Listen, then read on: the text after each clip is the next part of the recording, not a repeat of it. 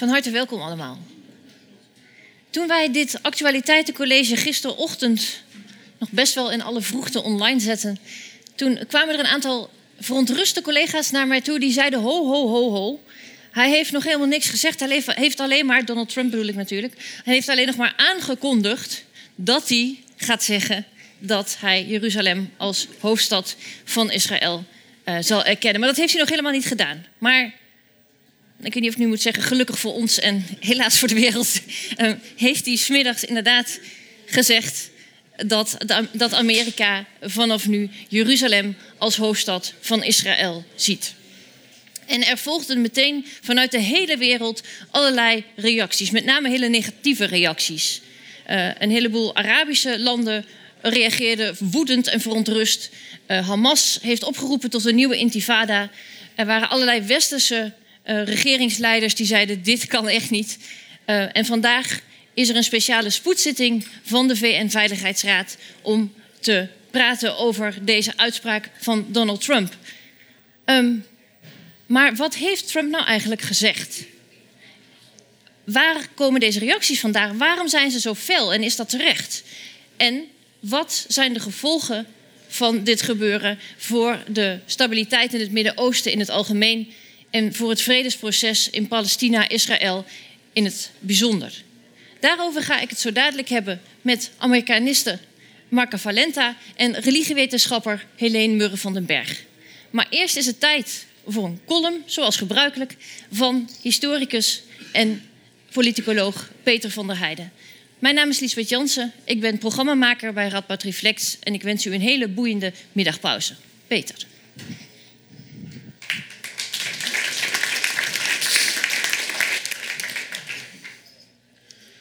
Onverstandig en contraproductief. Zo noemde minister van Buitenlandse Zaken Halbe Zelstra gisterochtend het toen nog te verwachten besluit van Donald Trump om Jeruzalem te erkennen als hoofdstad van Israël. Ja, dat moet je natuurlijk ook niet doen. Dat is pure uitlokking. Noem iets, wat dan ook, onverstandig en contraproductief en Trump zal het onmiddellijk doen. Lullige naampjes bedenken voor Kim Jong-un bijvoorbeeld. Onverstandig en contraproductief, hij was ervoor gewaarschuwd. En hop, de Noord-Koreaanse leider staat in Trumps Twitterlijn als Little Rocket Man. Een land dreigen met totale vernietiging. Onverstandig en contraproductief, me dunkt. En hop, Donald Trump doet het. En nog wel in de Verenigde Naties. Een orgaan dat ooit in het leven is geroepen om te voorkomen dat het landen totaal vernietigd zouden worden. Dus als je Trump van tevoren zegt dat het onverstandig is om Jeruzalem te erkennen als Israëlische hoofdstad en zijn ambassade daarheen te verplaatsen, dan kun je er gelijk een Bosnisch-Kroatische oorlogsmisdadiger vergif op innemen dat Trump dat doet. Daar is hij niet alleen president voor, nee, daar is hij een republikeinse president voor. Als republikeinse president heeft hij een eer hoog te houden van het doen van onverstandige en contraproductieve dingen. Het begon al lang geleden met Ronald Reagan, die zo dolgraag zijn evil empire, de Sovjet-Unie, dwars wilde zitten in Afghanistan, dat hij de Mujahedin, het communistische verzet, liet voorzien van Amerikaanse zware wapens en liet trainen door Amerikaanse militairen. Het werkte prima. De verzetstrijders jasten die Russen er heel vlot uit. Maar het leverde wel de Taliban op. Zwaar bewapend door de Verenigde Staten, met in hun midden de eveneens door de Amerikanen gesteunde Osama bin Laden met zijn Al-Qaeda. Hoor ik daar onverstandig en contraproductief?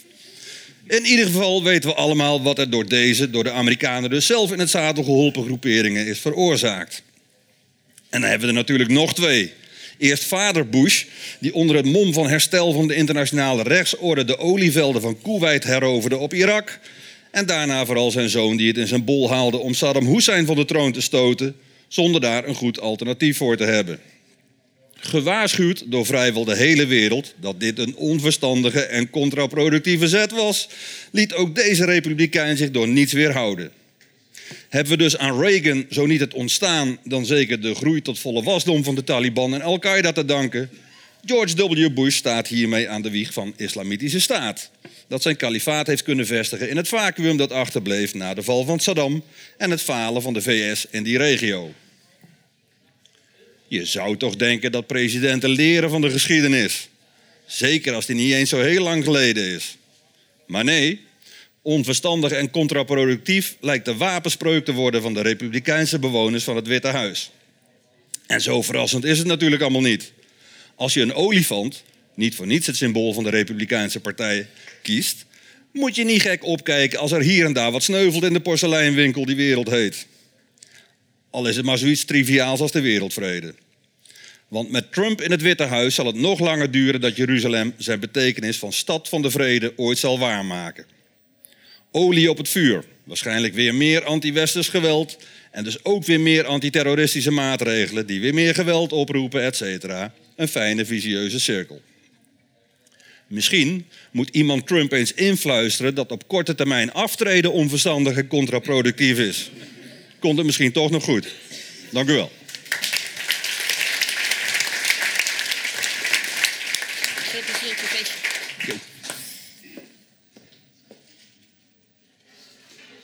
Ja, komen jullie maar hoor. Ik ga hier niet alleen staan.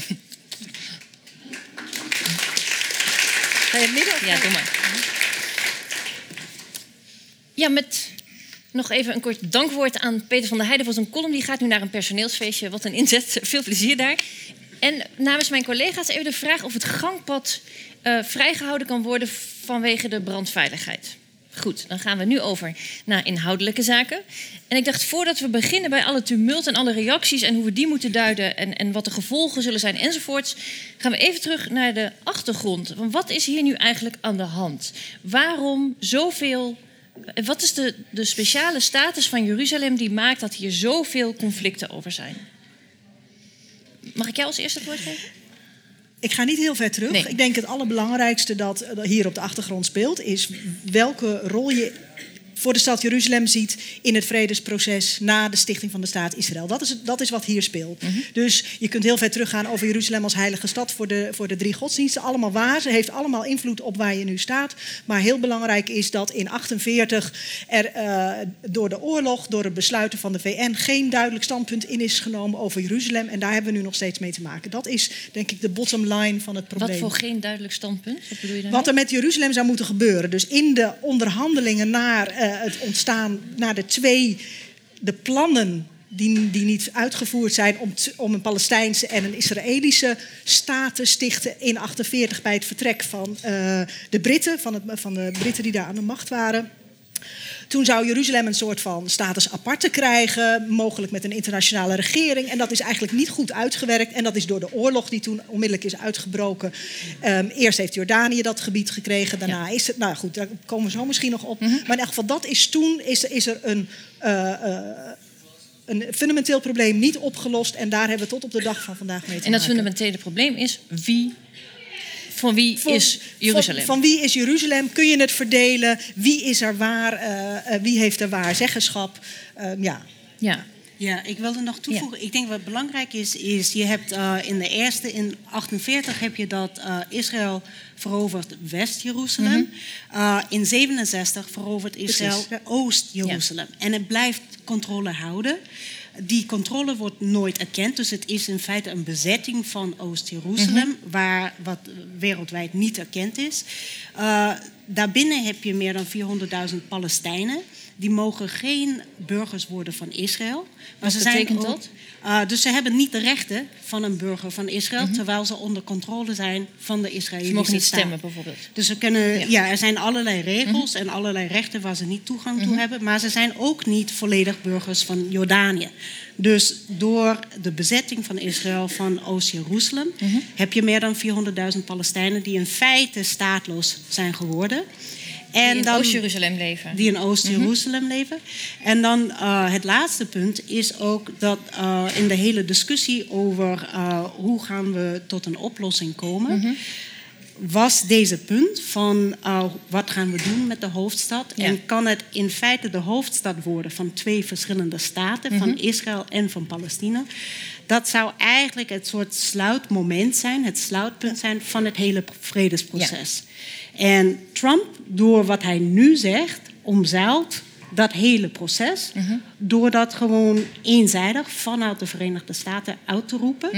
In plaats van dat het het eindpunt is van dat proces. En ook een beetje, eh, eh, hoe zeg je dat, teruggehouden is als onderdeel van die moeilijke oplossing. Ja, oké, daar komen we later nog Ja. even op terug. Want jij noemde al heel kort, maar zei toen meteen... daar hoeven we het nu niet over te hebben. Maar misschien heeft iedereen toch het gevoel dat dat een rol erin speelt. Die drie religies, hè? islam, jodendom, christendom... die daar alle drie... en ik hoef niet per se te weten Nee. waarom dat voor iedereen een heilige stad is... maar hoe speelt dat een rol binnen de politiek? Nou ja, dat, dat is ehm, met name voor, voor, eh, voor Israël gaandeweg een rol gaan spelen. Hè. Dus bij het begin van de staat Israël in 48 speelde dat nog niet zo'n hele grote rol. Maar met name in 67, toen Oost-Jeruzalem, waar de klaagmuur is, waar het, de Tempelberg is, waar de Heilige Grafkerk is. Dus de oude stad van Jeruzalem, toen dat veroverd is, toen is eigenlijk op dat moment in Israël ook de, eh, de, de identificatie met Jeruzalem niet alleen als een pragmatische hoofdstad, want dat is nou eenmaal een belangrijke stad, maar ook ideologisch. En natuurlijk gaat het terug op een lang idee over Jeruzalem als het spirituele centrum, de plek waar de tempel was. Maar vanaf 67 is dat een hele belangrijke rol gaan spelen in de Israëlische politiek, culminerend in 1980, in het moment dat eh, de Israëlische politiek heeft gezegd. Wij zien Jeruzalem als onze ongedeelde, eh, ge, ge- eenheid- eh, ge- ge- hoe zeg je dat? Verenigde hoofdstad. Ehm, en daar willen we niet achter terug. En dat is het begin geweest. Dat is ook het moment dat heel veel ambassades. De Nederlandse ambassade was tot 1980 ook in Jeruzalem, in West-Jeruzalem, niet in Oost-Jeruzalem, in West-Jeruzalem. In 1980 zijn die ambassades daar weggegaan. Dat was het moment dat Israël heel expliciet zei: wij claimen het hele Jeruzalem. Wij willen ons niet op geen enkele manier gaan neerleggen bij een half Jeruzalem. En dat is het moment dat heel veel ambassades naar eh, Tel Aviv zijn verhuisd, omdat ze daar afstand van wilden nemen. Ja, want het, die- met, het gaat niet alleen maar om de Amerikaanse ambassades. Alle ambassades zijn in Tel Aviv. Ja, bijna. Er zijn een paar uitzonderingen. Maar even, Ja. en dan voor, voor christenen, en jo, eh, christenen en moslims is natuurlijk ook die oude stad heel belangrijk. De Tempelberg met name voor eh, de moslims, omdat daar eh, en de grote belangrijke moskee, de Al-Aqsa-moskee is, en de, de, de Dome of the Rock, dat, dat prachtige hè, die we hier hebben, deze met die mo- mooie gouden koepel. Dat zijn twee hele centrale punten in de islamitische eh, spiritualiteit. Ook al van heel, eh, in het begin van de islam was een soort discussie zelfs welke plek Mekka of Jeruzalem belangrijker was. Dus Jeruzalem is altijd een belangrijke plek geweest voor de islam. En heel, we hebben het van de zomer gezien, eh, toen speelde de toegang van moslims tot dat gebied, tot die Tempelberg. de, de, de vrije toegang tot de Tempelberg is voor, voor moslims ontzettend belangrijk. Voor christenen is natuurlijk ook de vrije toegang tot de oude stad belangrijk. En dus je ziet dat ook de paus en andere christelijke leiders zich hier vandaag eh, mee bemoeid hebben gisteren. Ja, want het was zelfs Abbas die ging bellen. Hè? Dus een, Ja. een islamitische leider die ging bellen met, een, met de paus. Ja. Om te vragen, Ja. je moet iets doen. Ja. Ehm, dus, maar nog even, want als Trump dus Ja. zegt... dit is een logische eh, stap, Ja. want Israël, of, eh, Jeruzalem is al natuurlijk al 3000 jaar de hoofdstad van Israël... dan zegt hij eigenlijk wat in ieder geval politiek historisch niet klopt. Ja, hij is aan het. eh, want ik denk wat belangrijk is, eh, zijn twee punten. Dus eh, ik kom terug op antwoord. Maar als je het hebt over de rol van religie, is het zo dat die, die religieuze identiteiten, die zijn ook heel erg gepolitiseerd. En dat is niet alleen maar binnen Israël, maar het is ook ver buiten Israël. Dus in de Verenigde Staten heb je ook een aantal verschillende religieuze groeperingen, die ook politiek heel erg actief zijn. Uh, en die groeperingen die zijn een heel belangrijke achterban voor Donald Trump. Dus dat zijn evangelische christenen en het zijn heel pro-Israëlische Joodse groeperingen. Uh, dus bijvoorbeeld, je hebt een aantal uh, mensen die financieren de Republikeinse Partij. Uh, die zijn daarin heel belangrijk. En dus die achterban die heeft een bepaalde kijk op Israël. En hij is niet alleen maar hun tevreden aan het stellen met de standpunt die hij aan het innemen is, maar waar je het ook ziet is in zijn formulering, in zijn woordkeuze, in het verhaal wat hij vertelt, hoe hij het uh, uh, rechtvaardigt. Al dat is het standpunt en het verhaal van die politieke kant. Oké, okay, dus hij doet het om een bepaalde groep binnen zijn achterban te pleasen, zou Ja. je kunnen zeggen. En waarom doet hij dat juist nu? Waarom heeft hij dat nu nodig? Ja, het, uh, ik denk het heeft heel veel te maken met. Uh, nou, er zijn verschillende dingen. Je hebt heel concreet dat uh, een ander heel belangrijk punt komt vanuit de Verenigde Staten. Je hebt in 1995 heb je dat er een wet werd aangenomen dat de Verenigde Staten verplicht om hun ambassade van Tel Aviv naar Jeruzalem te verhuizen. Die wet werd ingevoerd door iemand die tot dat moment daartegen was, uh, Bob Dole, maar besloten had dat hij president wilde worden. En hij wilde daarom een gedeelte van uh, Joodse Amerikanen aanspreken door die wet in te voeren. Die wet is aangenomen, maar omdat mensen wisten hoe gevoelig dat allemaal lag, is er een uh, uh, escape. Hoe zeg je dat? Ja, een, een, uitgang. Een uitgangclausule. Ja. Namelijk als de president vindt dat voor veiligheidsredenen het niet geacht is om dat op dat moment te doen, mag hij het voor zes maanden uitstellen. En dat is tot nu toe de hele tijd gebeurd. Dus de afgelopen ja. 22 jaar, om de zes maanden, heeft de president het uitgesteld. En wat er nu gebeurde is, dat kwam nu weer langs. Dit was voor de tweede keer bij Donald Trump. De allereerste keer heeft hij gewoon precies hetzelfde gedaan als zijn voorgangers. Deze keer echter heeft hij het wel ondertekend. Dus de verhuizing van de ambassade is weer voor zes maanden uitgesteld. Okay.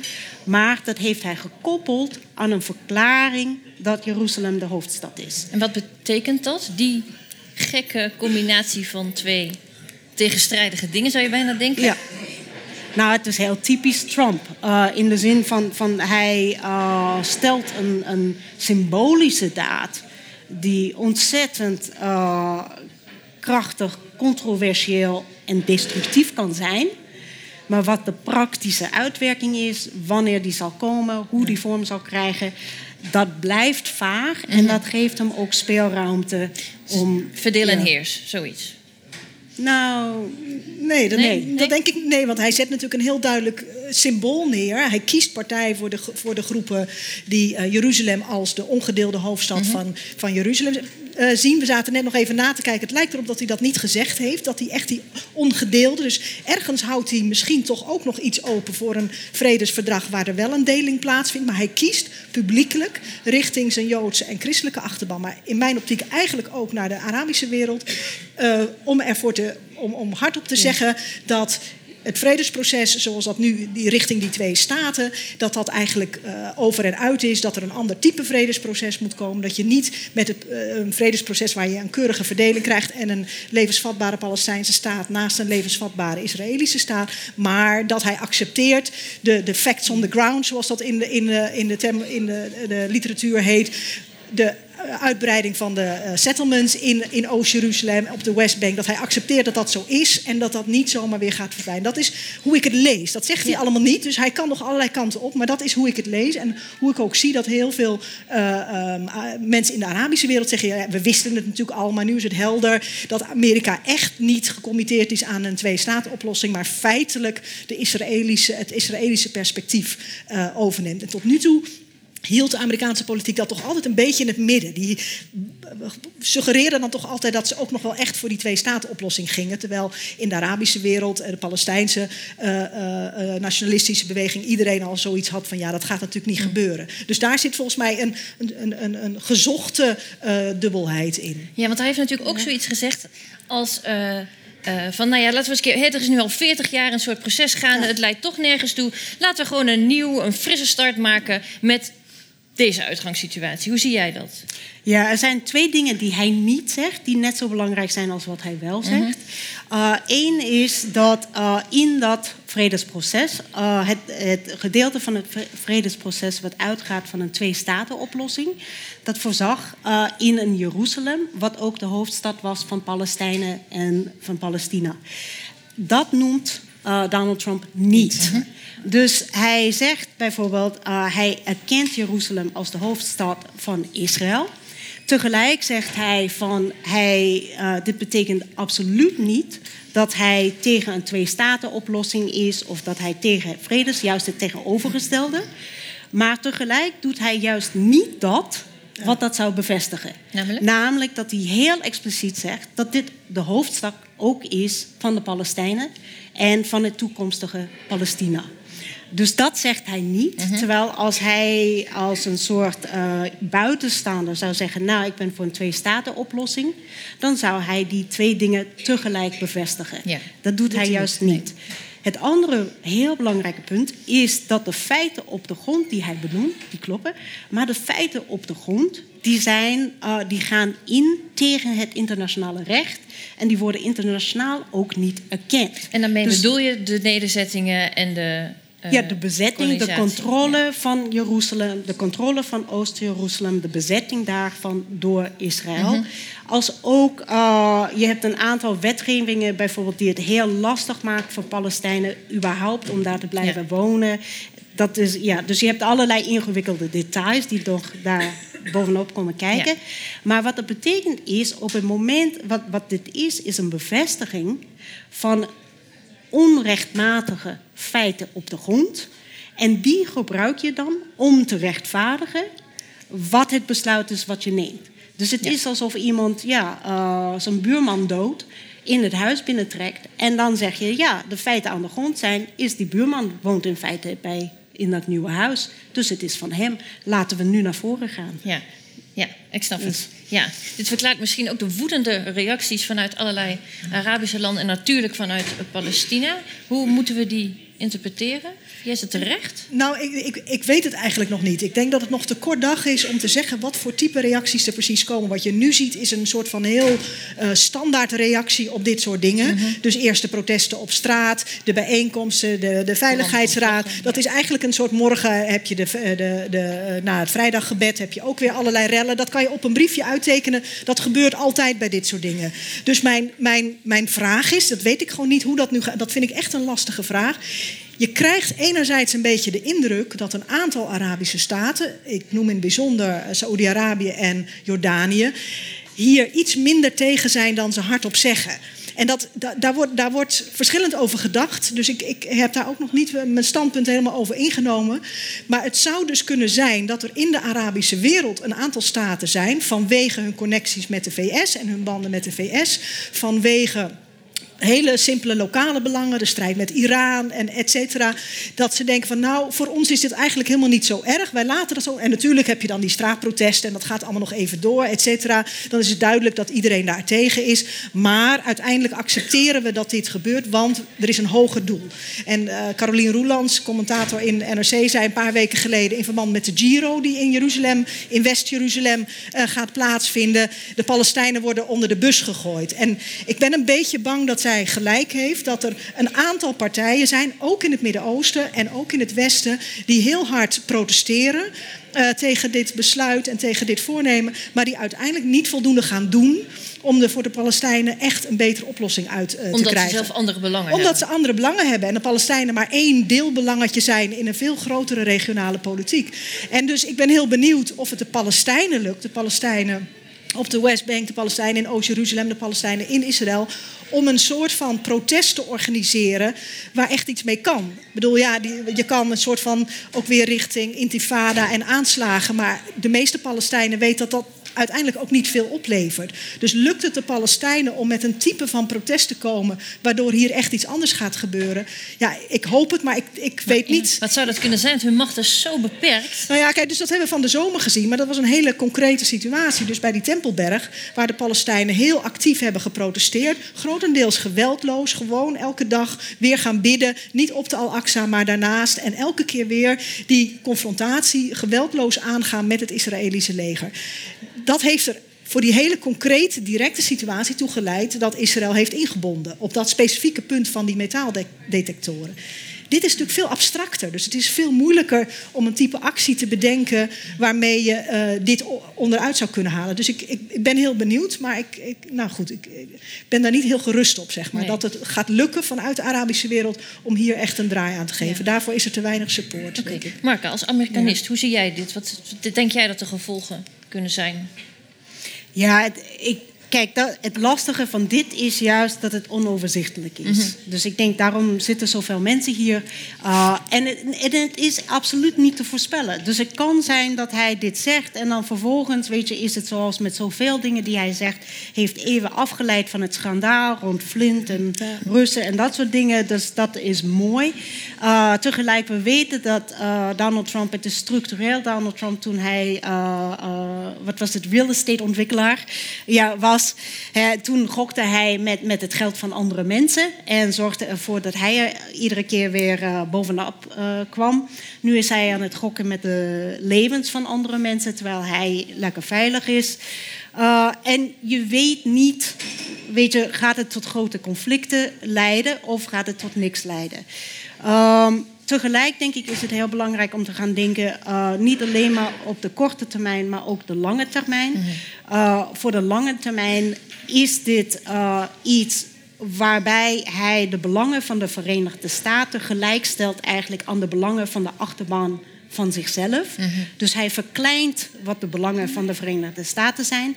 Het betekent ook dat hij nog meer druk zet op de internationale verhouding, de bereidheid van andere landen om mee te werken, uh, de bereidheid om andere landen Amerika uh, leiderschap te geven.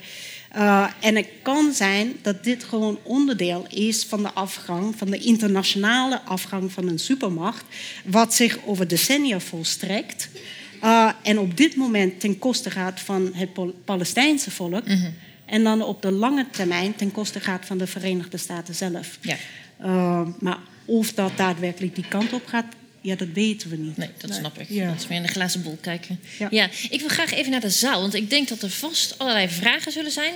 Steek even uw vinger op, dan komt mijn collega met een microfoon. Niemand? Ah, daar, daar achterin is iemand. Daar, mevrouw. Goedemiddag. Mijn vraag is waarom uh, uh, het verzet van de Palestijnen verwacht wordt. Waarom niet van Europa? Wij zouden de ambassade van de VS moeten sluiten. Wie wil reageren? Moet er in ja, Europa... nou, we hebben... Oh, ja. Ja, nee. Mooi. Ja, we, zitten, we zijn allebei heel hard okay. aan het nadenken. Maar dat, dat, is, dat is zoals het werkt dus inderdaad. En ik, ik verwacht dus inderdaad niet dat de, de EU of uh, de EU veel verder zal gaan dan dus een, een mondeling protest. Ik verwacht niet dat daar hele concrete maatregelen zullen volgen. Waarom niet? Omdat er te grote belangen op het spel staan. Ik zie ook niet, op dit, op dit punt is het ook nog niet zo makkelijk om echt iets te doen. Hè? Dat, bedoel, dat geldt voor de Palestijnen, maar dat geldt ook voor de internationale gemeenschap. Maar ik, ja, het blijft meestal bij woorden. Ja, ja twee dingen. Is, is, we hebben gezien dat, dat uh, structureel de afgelopen jaren, hè, als, als uh, Europa moet kiezen tussen mensenrechten en geopolitieke belangen, dan kiest het voor geopolitieke ja. belangen niet mensenrechten. Ook ten koste van mensenlevens. Uh, dus dat is structureel wat de afgelopen jaren uh, aan het gebeuren is. Tegelijk is het zo ook, denk ik, dat de Europa is toch, uh, alhoewel het nog steeds redelijk pro-Israël is, is het toch verdeeld in welke vorm dan kritiek op Israël wel vorm moet krijgen en in hoeverre dat moet gaan. Dus je ziet in bepaalde landen bijvoorbeeld mag je helemaal niet voor een boycott uh, van Israël. Uh, Israëlische goederen en instituties en zo roepen. Terwijl in andere landen mag het wel. Terwijl in iets als het Verenigd Koninkrijk heb je juist dat uh, hele kerkgemeenschappen, groeperingen en zo, juist die boycott heel hard oproepen. Dus ik denk die gespletenheid binnen Europa en de, de heel trage ontwikkeling naar een meer kritische houding naar Israël toe, uh, betekent dat het op dit moment niet in staat is om te handelen. Want er is geen beweging en er is geen groepering die dat op het niveau van Europa als geheel teweeg kan brengen. Uh, dus de druk ontblijft op dit moment, ontbreekt. Okay. Ja. Een volgende vraag. Ja. Uh, een paar stoelen verder. Ah, is al een andere microfoon. Goed. Jullie praten over het uh, vredesproces nog. Wat was er eigenlijk nog over, of gaande rond dat, uh, over van en gaande rond dat vredesproces? Goeie vraag. Nou ja, in, in, mijn optiek was het, was het vredesproces al dood en, en is dit de begrafenis, zal ik maar zeggen. Dus in die zin denk ik, ik tegelijkertijd wordt er nog wel steeds onderhandeld. En ik krijg daar niet zo goed de vinger achter. Af en toe vang je wat op van mensen die daar wat dichterbij zijn. Dus er zijn blijkbaar nog af en toe wel contacten. En, maar als je gewoon ziet wat er gebeurt, concreet gebeurt, dan is er geen vredesproces. En is dit alleen maar een bevestiging van wat mensen al lang wisten: dat daar feitelijk geen vredesproces met een reële uitkomst voor de Palestijnen uh, aan de gang is. Maar, dus dan, ja. maar dan zou ik nogmaals uh, de vraag stellen: van als Trump nu zegt, nou, we gaan het gewoon nog een andere boeg gooien en kijken wat er dan gebeurt. Misschien is dit wel een begin voor. Ja, maar volgens mij, wat, wat hij dan denkt, en wat, wat er zijn genoeg mensen die dat denken. Mhm. Inclusief dus denk ik sommige van de Saoedi's bijvoorbeeld. Mhm. Van de Palestijnen moeten maar accepteren dat dat niet gaat gebeuren. En dat zij een soort tweederangs burgers worden in een groot Israël. En dat dat het dan is. En dat mhm. ze misschien daarbinnen nog een paar, paar leuke, uh, hoe zeg je dat, provincietjes hebben. Een paar, paar, paar, waar ze dan hun eigen ding kunnen doen. Dat is denk ik het type vrede wat sommige mensen voor zich zien. Maar dat is natuurlijk iets totaal anders dan een twee-staten-oplossing. Of de echte eenstaatoplossing, waarbij Palestijnen gewoon volledige burgerrechten hebben. En dat er dus een heel nieuw type land bestaat. Maar die twee die zijn natuurlijk heel ver. Eh, dus volgens mij zit het op dat middenterrein waar nu dit, dit soort mensen eigenlijk aan denken. Dat noemen ze dan een vredesproces. Ja. Uh. ja. Nog een vraag? Ja, daarachter. Um, laat ik eens naar een meneer gaan. of om de beurt, maar goed. Um, ik heb eigenlijk nog uh, bijna niets gehoord over de reactie van uh, Israël zelf. Is die onverdeeld positief of is daar, ik kan me voorstellen dat er ook verschillende meningen zijn? Ja, ik heb nog niet heel goed naar de Israëlische media gekeken. Maar kijk, officieel is natuurlijk iedereen positief. Ja. Um, en de groep in Israël die zich hardop uitspreekt en heel kritisch is op dit beleid, is heel klein geworden. Dus er is er wel. En je hebt critici in Israël zelf die in de kranten en, en zeg maar op Facebook en dat soort dingen zich uitspreken en heel erg kritisch zijn. Joden in Israël, Joden buiten Israël. Dus die groep is er wel degelijk, maar die is klein en heeft eigenlijk nauwelijks invloed. Dus ik denk dat de bulk van de Israëli's het wel prima vindt. Of het interesseert ze niet, of ze zijn blij dat het, uh, dat het gebeurt. Ja, want je ziet de afgelopen jaren, want het is heel dubbel, want je, je hebt heel levendig politiek debat en betrokkenheid binnen Israël enzovoort. Maar tegelijk uh, de linkse, antinationalistische of uh, anti-Zionistische uh, groeperingen, kunstenaars enzovoort, die zijn heel klein geworden. Ze zitten onder enorme druk en het is heel lastig voor ze geworden. Je kan, af en toe kan je hun stem nog vinden, bijvoorbeeld in de tijdschrift Haaretz, uh, in die krant. Uh, dus daar zie je verschillende uh, standpunten op momenten. Maar die groep zit zo onder druk dat het lastig is om echt. Want nu kan je ook wettelijk gestraft worden, bijvoorbeeld, als je de boycottbeweging ondersteunt. Uh, er zijn ook vragen rond als je geld van het buitenland krijgt of als je uh, je, je uh, groepering samenwerkt met groeperingen in het buitenland. Um, dus het is lastig eigenlijk om publiekelijk standpunten in te nemen, terwijl privé heb je natuurlijk het inzicht van al de spanningen. En er waren, oh, ik denk dat is het laatste. Ik denk mensen, wat je wel zag in de berichtgeving, is dat ongeacht of mensen het wel steunden of niet. Dus bijvoorbeeld ook mensen die dit eigenlijk in feite zouden graag willen, zich zorgen maakten over wat de consequenties zouden zijn. Dus dat, dat is veel breder. Ja, ja meneer daarachter. Ja, ik vroeg me af van uh, wat is jullie kijk op uh, de, de toekomst van Trump en van de VS in dit hele verhaal? Ook wereldwijd gezegd, maar de rol van van de Verenigde Staten, maar ook van Trump zelf. Van hoe, hoe zal dat gaan verlopen? Ja, je hebt daar net al iets over. Ja. Maar bedoelt u zoiets als of hij hiermee zijn krediet verspeelt? Ja, dat kan, maar gewoon sowieso. Want er zijn natuurlijk allerlei gedrag van Trump... waar we eigenlijk een beetje lacherig over doen... maar soms dus niet om te lachen is. Hoe, hoe, uh, hoe, zie, hoe, kan, hoe, zien we dat tegen, hoe kijk je daar tegenaan? Nou, wat je ziet als je kijkt bijvoorbeeld naar uh, mensen die uh, de beoordeling van hoe doet hij het als president. dan zie je dat de afgelopen tijd dat het niet meer omlaag gaat. Dus het blijft stabiel rond zeg maar 36 procent. Het kan opgaan naar 39, een beetje omlaag naar 35. Maar in feite blijft het... het percentage van de Amerikaanse bevolking die hem steunt. Precies. Uh, dus mensen, dus je hebt uh, approval ratings. Dus uh, gewoon, wat vind je van de president? Doet hij het goed of slecht? Het merendeel vindt dat hij het slecht doet. Maar tegelijk de groep, de groep die het vindt dat hij het goed doet... die blijft nu behoorlijk stabiel de laatste maanden. En is dat juist deze groep? Dus deze conservatieve, christelijke... Die zijn een gedeelte van de groep. Dus hij heeft voor zijn verkiezing heeft hij een gesprek gehad met uh, Sheldon Adelson. Heeft hij een gesprek met nog een aantal andere uh, pro-Israëlische figuren gehad... die veel geld geven aan de Republikeinen. Zij hebben gezegd, wij willen heel graag dat de ambassade van Tel Aviv naar Jeruzalem gaat. Ze waren heel ontevreden uh, toen dat niet gebeurde zes maanden terug. En zij hebben ook persoonlijk toegang tot Donald Trump naar het Witte Huis enzovoort.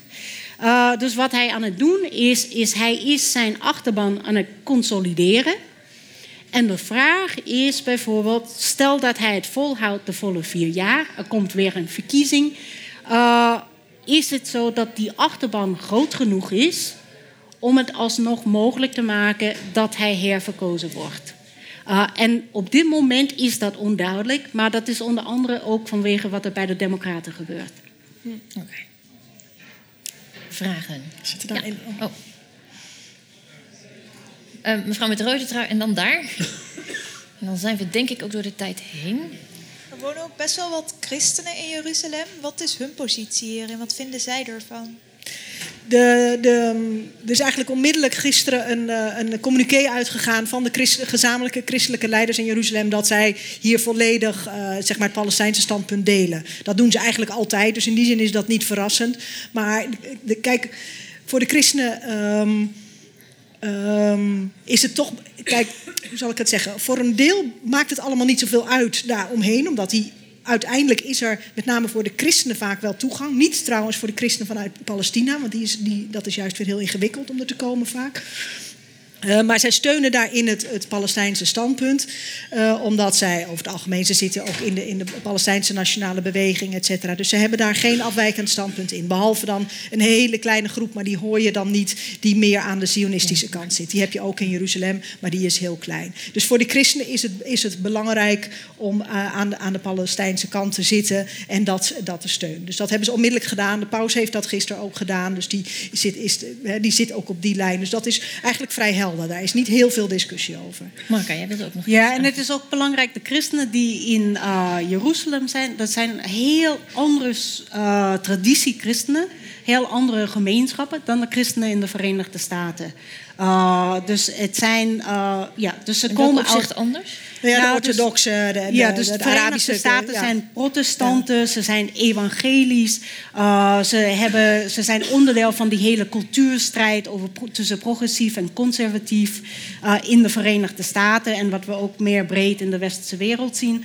Uh, de christenen in Israël, die komen, dat zijn christenen die, die al de hele tijd daar zitten. Het zijn orthodoxe en koptische en echt inheemse Midden-Oosterse christenen. Dus die hebben een heel andere um, traditie. Het is een heel compleet andere gemeenschap dan de groeperingen die in de Verenigde Staten de achterban van Donald Trump vormen. Ja, die hebben voor een ja. deel ook wel weer hun, hun gemeenschappen in Israël. Want hij heeft Ja, ook ja. kleine groepen Ja, ja. die dan meer op die Amerikaanse tour zitten. Maar gemiddeld genomen is het een heel ander type christendom met andere belangen en interesses.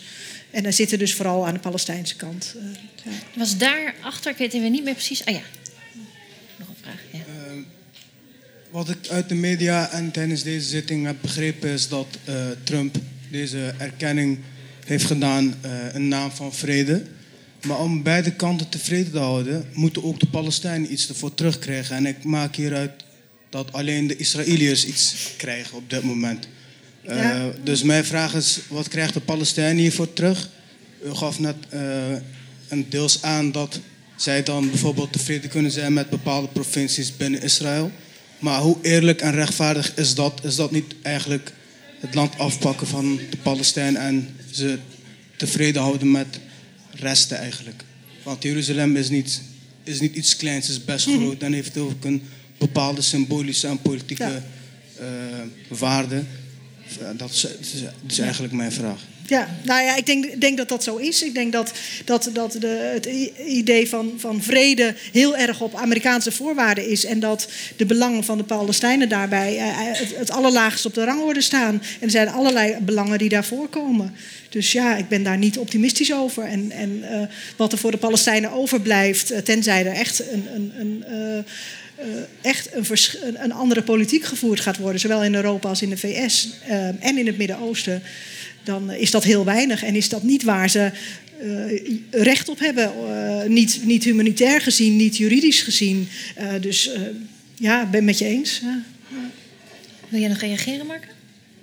Ja, het eh, is heel duidelijk, want het- dat was ook het punt over waarom herkent hij het niet als de hoofdstad ook van de Palestijnen eh, en van de toekomstige Palestina als een twee-staten-oplossing zou kunnen komen.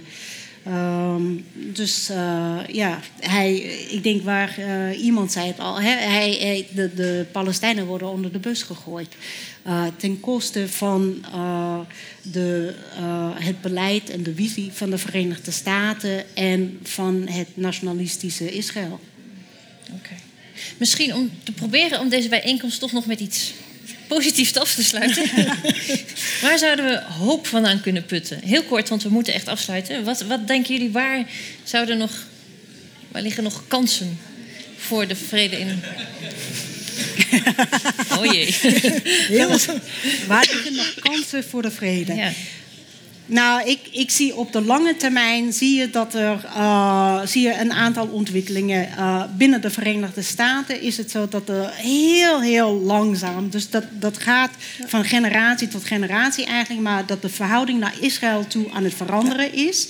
Eh, terwijl dat tot, voor, tot recent was het onvoorwaardelijk onder democraten net zoveel als republikeinen. Vandaar ook dat die wet in 95 zo makkelijk werd aangenomen, want dat was onge- ongeveer unaniem.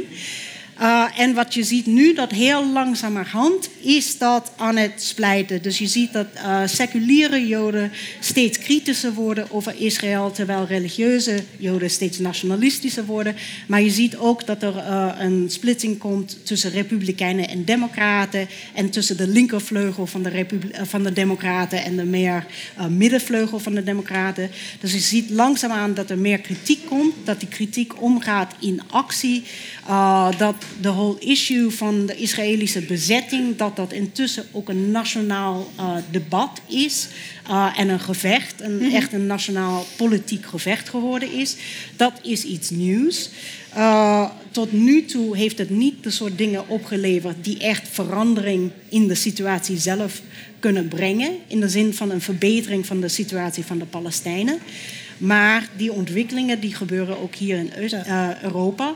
En als die ontwikkelingen zich zouden voortzetten, dan zou het zo kunnen zijn dat op een bepaald moment er genoeg druk op Israël komt, uh, zodat uh, de mensenrechten van de Palestijnen ook daadwerkelijk uh, verdedigd en erkend worden. Oké. Okay. Hoop het is vooral een kwestie van lange adem.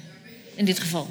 Ja, er is, er is iets aan het schuiven. Ja, want we moeten Nee, nee, nee, nee, ik ben, ik ben het helemaal mee eens. Je ziet het, je ziet het bij de jongere generatie, ook de evangelicals. In de VS zag ik uh, van de week een berichtje dat de jonge evangelicals, die dus voor het overgrote deel Trump voluit steunen, de jongere evangelicals zijn veel kritischer, ook op dit punt. Dus dat is, dat is inderdaad, uh, wie weet, dat dat uh, op termijn toch tot iets anders leidt. Ja. Goed. Dankjewel, Helene Murren van den Berg, Marco Valenta en jullie allemaal natuurlijk.